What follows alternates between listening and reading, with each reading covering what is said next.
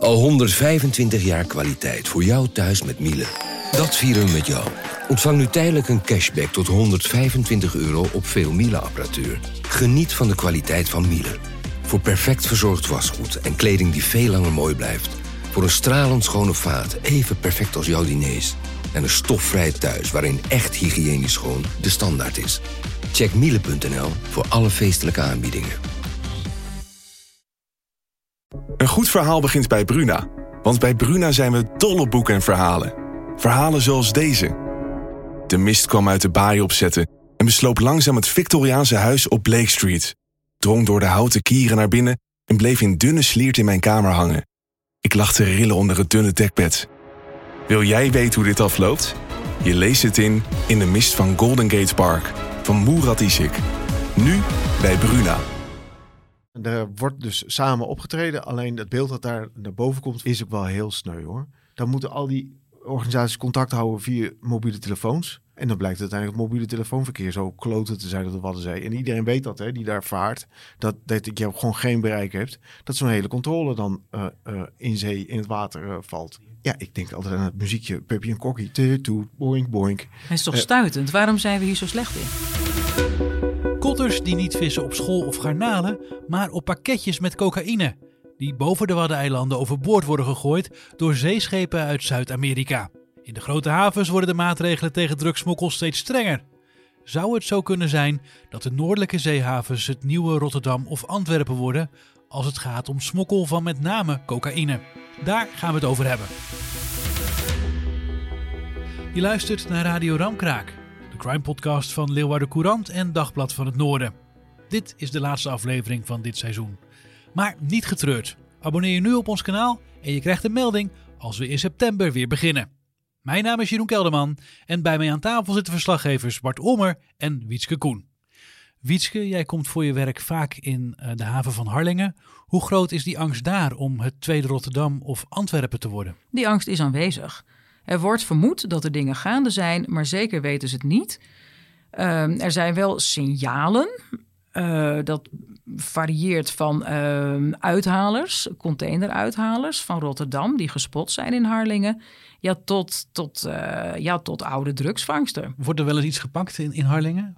Pakketten drugs of, of, of andere, andere zaken? De laatste vangst die dateert van jaren geleden. Uh, en dat betrof voornamelijk mensen die door uh, vreemd gedrag uh, in de gaten liepen. Dat was 2017. Een hele grote vangst, bijna 300 kilo kook in de haven van Harlingen. En dat, dat leest ook wel echt als een spannend jongensboek hoor.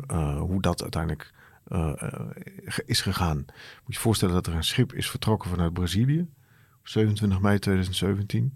Dat is de MSC Crystal. Die is eerst instantie naar Rotterdam gevaren. Daarna is hij uh, uh, op de ochtend van 10 juni 2017 uh, naar de Waddenzee gevaren. Daar hadden ze een deal. dat ze op bepaalde coördinaten zouden ze daar pakketten drugs overboord gooien. En um, de mensen die dat zouden op zee zouden opvissen, die liepen in de gaten. Die, die werden geobserveerd. En dat was een Urker viskotter. En die bracht uiteindelijk pakketten terug de haven van Harlingen in. En dat is het moment dat die grote zaak daar uh, uh, voor het eerst opgepakt wordt. Dus er zijn soms hele harde signalen, maar er zijn maar weinig hele concrete zaken. Het is niet zo dat er ene vangst naar de andere vangst er is. Deze zaak van die Urker drugskotter, dat was een hele mooie, maar een uitzondering. Wat mij opviel is dat juist sukkels aan het licht komen. Die kotter die voer uit op een ongebruikelijk tijdstip. Kotters varen uit uh, zondagnacht, hooguit uh, maandagochtend. Die keer de eerste keren weer terug op donderdag in de namiddag, in de loop van vrijdag, de laatste op zaterdag. En deze ging maar eventjes de zee op. Nou ja, dat wekt, dat, dat wekt al aardig waan. Dat, dat klopt niet. Ja, en dan was er afgesproken dat ze dan zouden melden dat ze vanwege motorproblemen teruggekeerd uh, zouden zijn in de haven. Dat was dan het idee. Ja, en ja. er was ook nog een schip dat boven de eilanden ooit in de problemen kwam. Dat voer uit met windkracht 8. Dat werd ook binnengeroepen door de brandaris, maar het luisterde niet. Nou ja, daar bleek ook uh, van alles uh, mee aan de hand te zijn. Maar uh, over, ja, en, en de, voor de rest niet. Kijk, het beeld wat je hebt, Jeroen, is dat... kijk, wij wonen hier in het noorden. En de urban myth is natuurlijk dat we een kuststrook hebben die eigenlijk amper verdedigd wordt door de opsporingsinstanties. Dat is het gevoel dat we allemaal hebben. Als wij erover praten op de redactie, dan hebben we allemaal het idee, kom we huren een, een zeilschip we springen aan boord en we, en we varen naar Engeland. Wie, wie pakt ons uh, met die pakketten? Nou, er wordt tegenwoordig wel een beetje uh, beter op gelet. Uh, havenmeesters en bootverhuurders die worden er juist op gevergd om goed op te letten. En juist op bijzondere signalen, zoals bijvoorbeeld een boot die uitvaart met heel veel stootkussens eromheen. Of iemand met veel jerrycans aan boord. Of iemand die totaal niet kan varen. Dat mensen even extra alert moeten zijn op zulke signalen. Want het zou kunnen duiden op ja, mensen of, uh, of drugsmokkel. Iedereen mag een boot huren tot uh, eh, 15 meter. En die stootkussens moet je mij even uitleggen. Is dat dan omdat ze op, op zee een andere boot gaan ontmoeten? Of, nou, misschien, maar ook omdat ze totaal niet kunnen aanleggen. Iemand aan, bij wie het dan elke vorm van stuurmanskunsten ontbreekt. En eh, ja, die wel op pad mag. Want je mag een schip huren tot, tot zoveel meter. Ja, en je hoeft niet te kunnen varen. En dat, eh, dan is het gemakkelijk, uh, is dat gemakkelijk gefixt. Want er wordt helemaal niet op gelet. Kijk, maar dat is dus het beeld. Hè? We hebben dus, en, en dat wij, maar de opsporingsinstanties al helemaal. Dus uh, Marseillais, uh, douane, gemeentes. Iedereen in die, in die vervolgingsketen die bij betrokken is, die grossiert in voorbeelden. Die vertellen bijvoorbeeld, uh, ja, we kennen de voorbeelden dat er een, een, eh, bij hoogwater allerlei bootjes bij eh, de haven van uh, Oog de zee op gaan. Dat daar gekke dingen gebeuren. Daar is helemaal geen toezicht. dus, nou, heeft iedereen wel een onderbuikgevoel bij. Zo zijn er heel veel voorbeelden, hard en minder hard. Um, maar als je nou kijkt naar de vervolging, als je nu gaat vragen naar het Openbaar Ministerie in Noord-Nederland, hoeveel zaken hebben we nou drugsmokkel langs de Waddenkust en de Noordzeekust hier in Noord-Nederland? Dat zijn hem echt bij heel erg weinig. Dus, dus we hebben twee beelden die strijden tegen elkaar. Er ligt een zee totaal open. Dat moet wel uh, leiden tot drugsmokkel. Ook omdat al die havens, of het nou Harlingen is, of Lauwersoog, of Delfzijl, of Eemshaven, wij flaneren er allemaal. Moet je eens proberen in Antwerpen of Rotterdam. Dus die havens zijn ook allemaal open. Dus alle criminogene factoren zijn er om er een succes van te maken. Althans, voor een crimineel. Dus iedereen denkt, ja, dat, dat moet toch zo? En gelijktijdig uh, is er te weinig geïnvesteerd in die hele opsporing om het ook echt hard te maken. Dus we, nou, we hebben bijvoorbeeld uh, een paar maanden geleden een rapport gehad van twee onderzoekers. Uh, van de Torre en die schreven van, ja, er is gewoon informatie dat op vaarroutes boven de Waddeneilanden pakketten drugs overboord worden gezet. En dat die kotters dan de visgronden verlaten en dan achter zo'n schip aanhangen uh, of er tegenaan gaan liggen en om het dan over uh, te pakken. Ze hadden ook informatie dat criminelen vanuit de Randstad naar de haven in Lauwersoog kwamen om dan uit te zoeken te polsen wie bereid is om drugs te vervoeren. Um, eh, in die vaargeul rond de eh, boven de Waddeneilanden. Maar het blijft allemaal vrij zacht. Ja, en je hebt uh, dat, dat er drugs onderaan schepen wordt bevestigd. En dat er dan duikers komen die het eronder weghalen. Dat is ook weer een methode. Dus ze zijn zeer inventief om, om de drugs naar het noorden te, te krijgen. Maar ja, het punt is, er is de laatste jaren heel veel bezuinigd.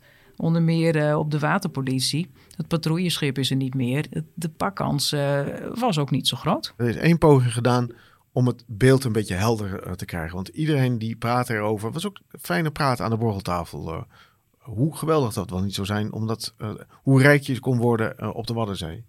Er is een onderzoek geweest, pro facto.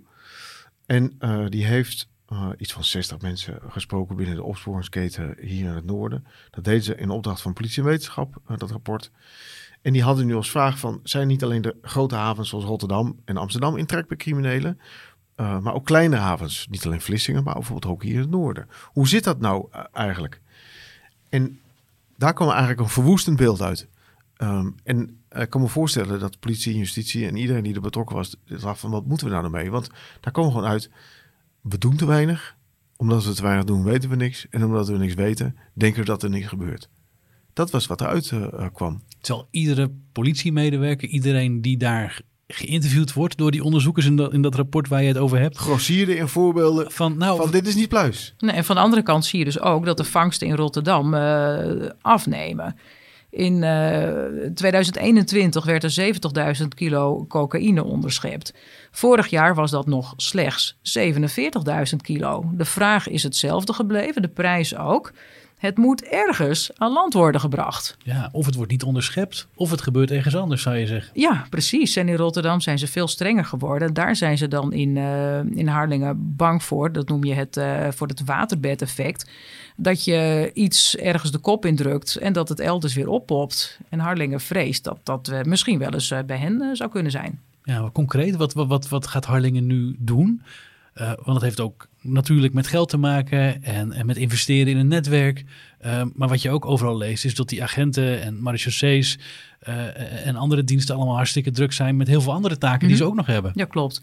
Um, eind dit jaar komen er drones in Harlingen. Er wordt nu mee geoefend.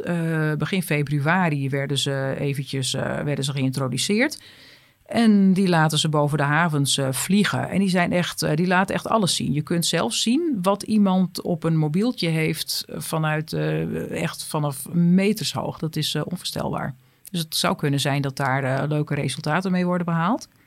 En uh, ze spreken over camera's. Overigens niet alleen in Harlingen spreken ze over camera's. Uh, ook uh, rondom de havens in Groningen willen ze die ANPR-camera's gaan installeren. Daar sprake van. Dat zijn kentekencamera's, hè? Die ja, ANPR-camera's. Precies. en dan kun je zien of een bepaalde auto niet alleen daar in het beeld loopt, maar bijvoorbeeld in strafrechtelijke onderzoeken elders. Kamerlid Anne Kuik heeft daar ook vragen over gesteld in de Tweede Kamer. Of die snel gerealiseerd kunnen worden om die ondermijning uh, uh, tegen te gaan uh, door de misdaad. Ja, jij komt nog wel eens in de haven van, van Harlingen-Wietske. heb jij daar wel eens iets meegemaakt wat vreemd was, waarvan jij denkt, nou, hier klopt iets niet, maar er is de vinger niet op te leggen? Of, of dat soort verhalen, hoor jij die wel eens? Ja, het, het, het gonst van de geruchten, maar daar kun je zo weinig mee. Mag ik zo'n mooi gerucht noemen? Het is een prachtig voorbeeld van, van iedereen zegt, oh, er is wel wat aan de hand. een nachtdienst van de Marseillais in de Eemshaven. Um, uh, in de voorbereidingen uh, op deze uitzending hadden we het al over. Uh, er wordt de auto gecontroleerd en, en die auto hangt in enorme wietlucht. Nou, die auto heeft een Duits kenteken en de inzittenden zijn dan Turks en Marokkaans. Nou, ze worden ook allemaal gefouilleerd. En in die auto wordt dan een gebruikshoeveelheid drugs en een paar duizend euro aangetroffen. En het verhaal van, het een idioot verhaal van die inzittenden, is dat ze eerst in Groningen drugs hebben gekocht. En dat ze dan op het strand, of all places, Eemshaven willen oproken. En dat ze daarom naar de Eemshaven zijn gegaan. Nou, dat verhaal is natuurlijk de dag daarna eh, verder geanalyseerd uh, door uh, de Marseillais. En uiteindelijk bleek dat die inzittenden echt hele zware delicten hadden gepleegd. En uiteindelijk is die, politie, die informatie gedeeld met de politie. En, en dat zie je in, in door de hele keten heen. Er zijn gewoon heel veel verhalen die verteld worden als we zeggen, aan de borreltafel uh, door agenten, door marechaussees. Het, het stikt ervan. Deze wil ik wel eventjes stellen, want, want die vind ik nu wel relevant. Want, uh, wat voor wereld is dat, die havens? Uh, zijn dat mensen, vissers, die elkaar allemaal goed kennen? Is dat een hecht netwerk? De onderzoekers die dat rapport hebben geschreven, havenmisdaad in het noorden, die hebben ook aangegeven dat het een hele besloten gemeenschap is dat mensen uh, eerder elkaar onderling aanspreken op gedrag dan dat daar de autoriteiten op aan worden gesproken. Dus het is niet zo gemakkelijk om daar een informatiepositie uh, op te bouwen. Nou ja, en wat je ook ziet is dat er dingen stil worden gehouden. Wij weten heel veel ook niet. Ehm, er worden schepen in de gaten gehouden. Er is één voorbeeld bekend dat later in Hamburg is gepakt.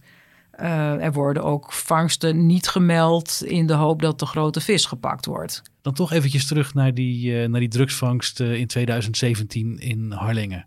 Wat mij opvalt is dat deze zaak eigenlijk helemaal niet kwam doordat ze in de gaten liepen of dat er in Harlingen heel goed opgelet werd. Eigenlijk was het een bijvangst uit een ander groot onderzoek. Ja. Dat laat heel duidelijk zien dat dit niet zomaar een aantal gelukzoekers zijn, maar dat dit heel diep in die criminele wereld zit. En dat is zes jaar geleden dus toen al. Er liep een onderzoek uh, naar liquidaties in Amsterdam. Er werden een aantal cryptotelefoons gekraakt, contacten tussen zware criminelen onderling. Uh, en toen bleek er ook opeens contact te zijn met iemand die coördinaten stuurde en die eigenaar bleek te zijn van een vissersschip dat drugs uit de zee haalde uh, boven de Waddeneilanden. En zo kwam die zaak aan het rollen. Dus het is heel diep geworteld al in die criminele wereld. Gewelds, geweldsfactor ook. Want uh, uh, de eigenaar van het schip vertelde ook dat hij onder druk stond uh, van de criminelen. En dat hij en zijn familie bedreigd werd. Dus dan zit je heel erg diep in de zwaar georganiseerde misdaad. Het is overigens niet alleen de kotters. Hè? Dat is ook nog een ander voorbeeld geweest. Waarbij de smokkel via zeiljachten werd ontdekt. Uh, waar drugsmokkelaars die huurden een aantal zeiljachten aan het IJsselmeer. En daar werd een, uh, de Noordzee mee opgevaren. en dan op open zee werd die hasje overgeladen op een ander schip. Um, waarna dan de smokkelaar aan land gebracht wordt. Um, en dat zijn ook voorbeelden van mensen vanuit die opsporingsketen die zeggen: ja, er speelt veel meer dan die enkele grote vangst. Er is iemand die bijvoorbeeld vertelt dat hij uh, twee jaar geleden spoelde allerlei pakketjes kook aan in een gebied waar ik werkzaam ben. 4 kilo in de Eemshaven, 9 kilo op Borkum, 15 op Rotterdam Oog. En hij zegt, ja, dat was waarschijnlijk gekomen doordat een gedropte sporttas opengescheurd was. En die had uh, eigenlijk boven de Waddeneilanden opgepikt uh, moeten worden. En, dan, en dan, dat zijn van die signalen dat ze zeggen, zie je wel, we pakken ze niet zo vaak, maar het gebeurt wel. Maar die pakkant is gewoon vreselijk klein. Gebeurt er ook op dit moment wat aan dat er uh, georganiseerd wordt opgetreden tegen deze drugsmokkelaars? Want dat is wat ik uh, uit rapporten van die vaak al wat ouder zijn teruglees.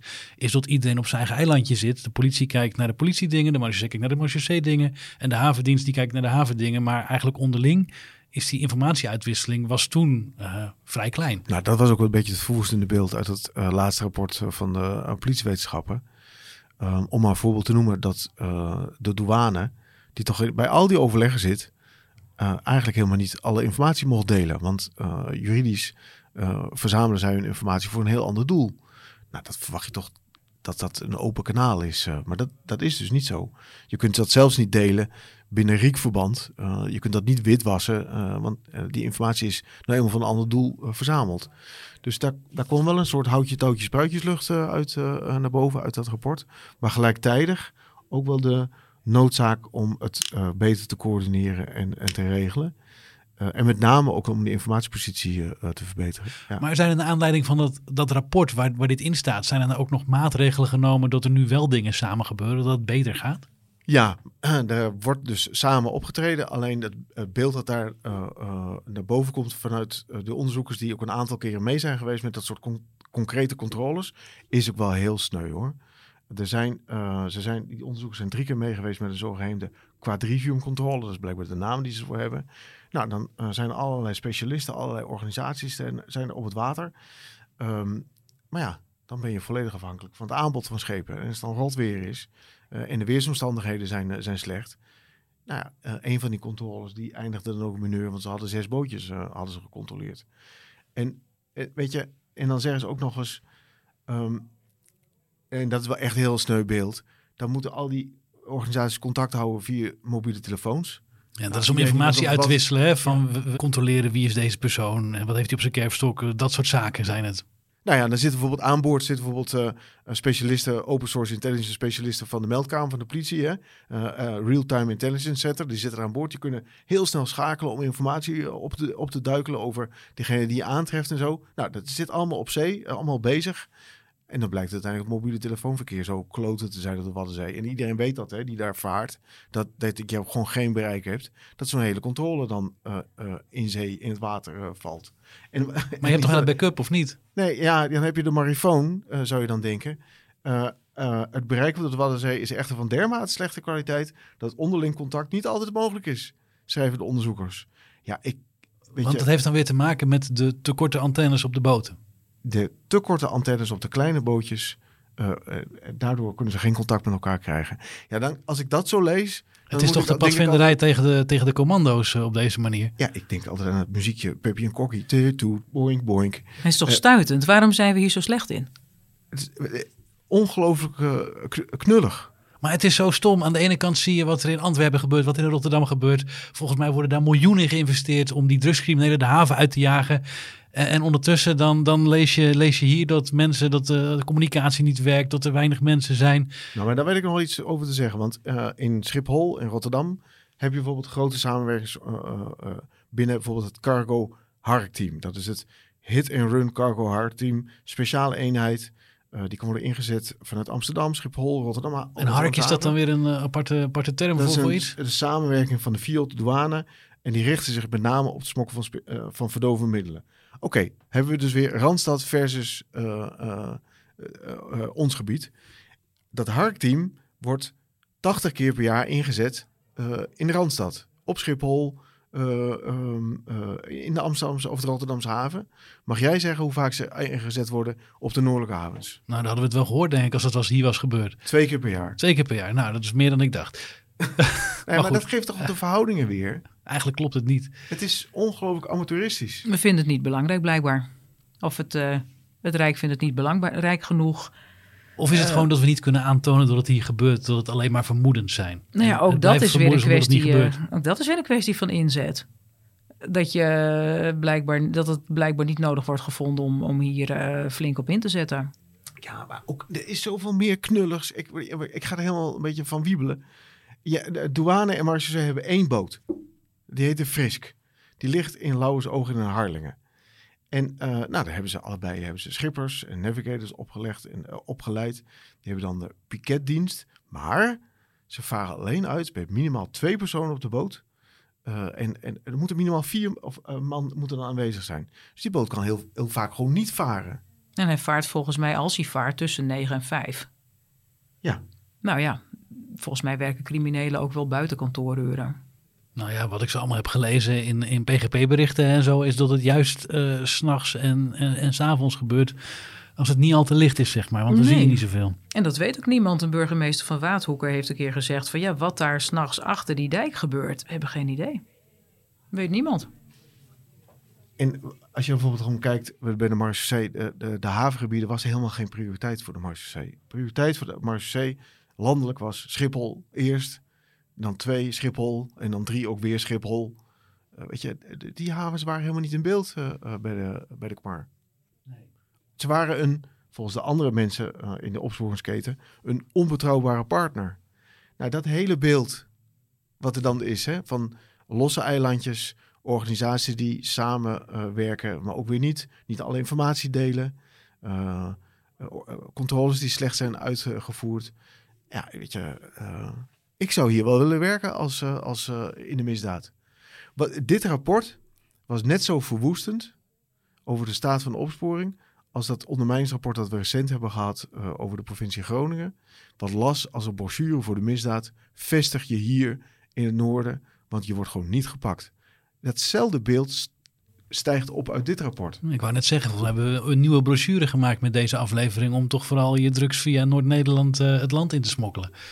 Nou, een marechausseeman zei mij ooit eens off the record van... eh, joh, ik wou dat ik crimineel was. Liggen hier kansen te over?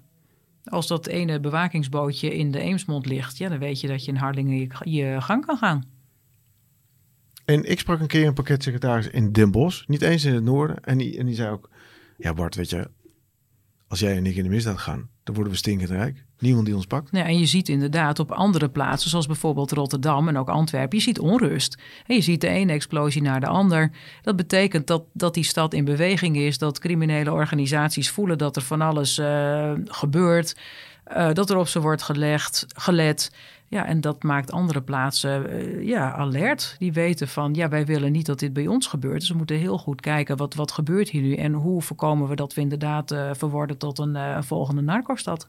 Ja, en heeft de burgemeester van Harlingen daar genoeg capaciteit voor om dit te voorkomen? Denk jij? Ik hoop het. Ja, het zou wel prettig zijn. Nou, dat zie je hier in dit verhaal ook wel, eh Jeroen. Vorige week hadden we het over dat, dat zo'n eh, afdeling openbare orde en veiligheid van eh, de gemeente eh, Eems-Delta het met drie OOV'ers moet hebben. Ambtenaren op het gebied van opsporing en openbare orde. Eh, datzelfde probleem speelt hier ook. Want in de rapporten staat ook dat die OOV'ers volstrekt geen zicht hebben in wat er in die haven gebeurt. Dus je, hebt wel gelijk. Ehm, eh, ook daar zou de gemeente in moeten investeren. Ja, nee, dat was ook de vraag waar die, waar die vandaan kwam. Eh, want daar kunnen we ook over filosoferen. Maar ehm, ja, je kunt het wel willen, maar, maar kan het ook? Want de gemeente Delfzijl wilde, of de gemeente Eems-Delta wilde heel graag die problemen in Delfzijl aanpakken. Er werden rapporten over geschreven en zo zou het moeten en dit kan, hele aanpak. Alleen ja, niemand kan hem uitvoeren. Nee, niemand kan manier. uitvoeren. Iedereen ziet dat het allemaal heel ernstig is. En, en eh, gekscherend, en ook eigenlijk niet gekscherend, wordt er dan gezegd... eh eh Delfzijl, dat is zo'n beetje eh, eh, eh, eh, de Sicilië aan de Eems. Zo wordt er ook gesproken. eh, ehm, eh, de eredivisie en de georganiseerde misdaad. In ons eigen gebied, hè? Ehm, en, en daar dan drie ambtenaren van de afdeling Openbare Orde en Veiligheid tegenover stellen. Ik vind het, diep schande. Nee, je ziet in Harlingen inderdaad, dan wordt er wel gezegd dat Harlingen heeft dus een open haven. Iedereen kan er de hele dag eh, terecht. Heel veel eh, oude zeunen, zoals de inwoners van Harlingen worden genoemd, eh, maken daar ook dagelijks even een, eh, een ommetje. Nou, als ik er ben en ik ben in Harlingen, ook altijd eventjes door de ja, haven. nou ja, dus precies. Er zijn heel veel mensen die dat doen inderdaad. En dan wordt er wel eh, tegen de burgemeester gezegd van... goh, Harlingen moet zijn havens beter beveiligen. Maar zij heeft ook gezegd, dat is prima. Maar kom dan ook maar over de brug met meer bewaking. Want als niemand op de zee let, dan zet je de sluizen open. En ja, je kunt wel van alles willen als gemeente. En dat is eh, heel mooi. Maar er moet wel iets eh, tegenover staan. Ja. Is het in Harlingen ook nog ingewikkelder omdat daar van alles door elkaar gebeurt? Eh, in Eemshaven heb je, heb je, nou ja, pleziervaart. Die zul je daar niet heel veel zien. Nee, het is echt een industriehaven. Dus dan zit je veel meer op energie, bulkgoederen. Daar heb je geen containervaart of geen recreatievaart, geen bruine vloot. Het is een heel ander karakter van haven. Dat lijkt me beter te beveiligen dan in Harlingen, waar en toeristen, zeker in de zomer op dit moment, eh, het enorm druk is met en toeristen. eh, ja, mensen met bootjes, de bruine vloot, eh, industrie wat er ook nog zit. Ja, dat klopt. Er vaart van alles door elkaar. Dat maakt het ook lastig. Het open karakter nogmaals van de haven maakt het lastig. Het, eh, maar ja, dat is, kan voor criminelen kan dat een, eh, een buitenkans eh, zijn. We gaan het in de gaten houden, zou ik bijna zeggen. Ik ben benieuwd wanneer de, eh, de, de volgende pakketjes weer worden Ja, gevonden. ik ook. Ik ben echt benieuwd naar De een eh, grote vangst. De laatste keer dat de pakketjes werden gevonden was in 2018. Ja. En nou is de grote vraag, eh, betekent dat dat het niet meer gebeurt? Of betekent het gewoon dat ze de zaakjes zo goed geregeld hebben dat wij het niet meer zien? Dat is volgens mij de hamvraag. En ik geloof, en, en ook ieder, al die 60 mensen die gesproken zijn eh, voor dat onderzoek, die zeggen allemaal, eh, ik vrees dat we het gewoon niet meer zien omdat het allemaal goed geregeld is. Dus we, zijn, we hebben de boel laten versloffen eh, in het noorden. We zijn te naïef. Eh, alle eh seinen staan op groen. Ehm, het zou idioot zijn om te denken eh, dat wij hier niet faciliterend gaan. Zeker niet als je op Schiphol of in de Rotterdamse haven of in de Anderse haven er zo hard op drukt. ehm, dat, nou, ik zag laatst een foto van uithalers die waren gepakt. En, en letterlijk de pakketten lagen over de stoep om, omdat ze eh, moesten vluchten. Aan die kant spuit het aan alle kanten uit. Het is idioot om te denken dat het hier allemaal niet gebeurt. Dat heeft die Kotter bewezen, eh, die Z181. Maar er zijn nog veel meer van dat soort eh, verhalen. En, en, en, nu hoop ik echt dat na dat verwoestende rapport een, een, een ontwikkeling komt dat er echt structureel aandacht eh, voor komt. En dat kan dus niet eh, als gemeentes eh, anderhalve man en een paardenkop eh, op een gemeente, gemeentelijke afdeling openbare orde en veiligheid handhaven. Nee, eens. veel professioneler. Er is meer eh, voor nodig om, eh, om de boel dicht te houden. Wieske Koen, Bart Ommer, dank jullie wel. Dit was de laatste aflevering van Radio Ramkraak voor dit seizoen. In september dan zijn we er weer. Abonneer je daarom nu op ons kanaal, dan krijg je de melding als we weer beginnen. En zo mis je geen enkele aflevering. Radio Ramkraak is de crime podcast van Leeuwarden Courant en Dagblad van het Noorden. De misdaadverslaggevers van deze kranten praat je iedere week bij over misdaad in Noord-Nederland. De muziek die je hoorde werd gecomponeerd door Guido Keizer. Mijn naam is Jeroen Kelderman en ik wens je een hele fijne zomervakantie. Tot snel!